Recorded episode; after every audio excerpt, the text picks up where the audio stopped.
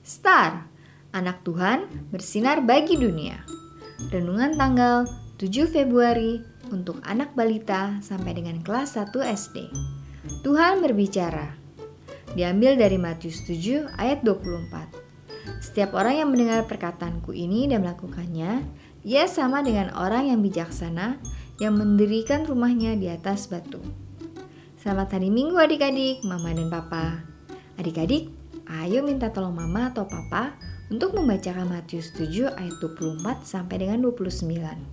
Kalau sudah selesai membaca, ceritakanlah apa pesan Tuhan Yesus di bacaan tersebut. Tuhan Yesus mau adik-adik mendengar firman Tuhan dan melakukannya.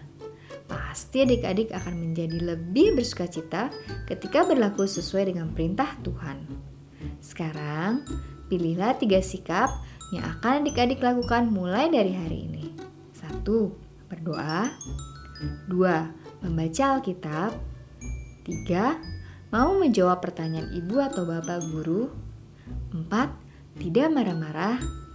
Lima, berbicara yang baik, tidak berteriak. Catat ya pilihan adik-adik, tulis pada selembar kertas dan hiaslah. Jika mama atau papa izinkan, adik-adik bisa menempel atau menyimpannya di meja belajar, supaya adik-adik selalu mengingatnya dan tentunya melakukannya. Mari kita berdoa.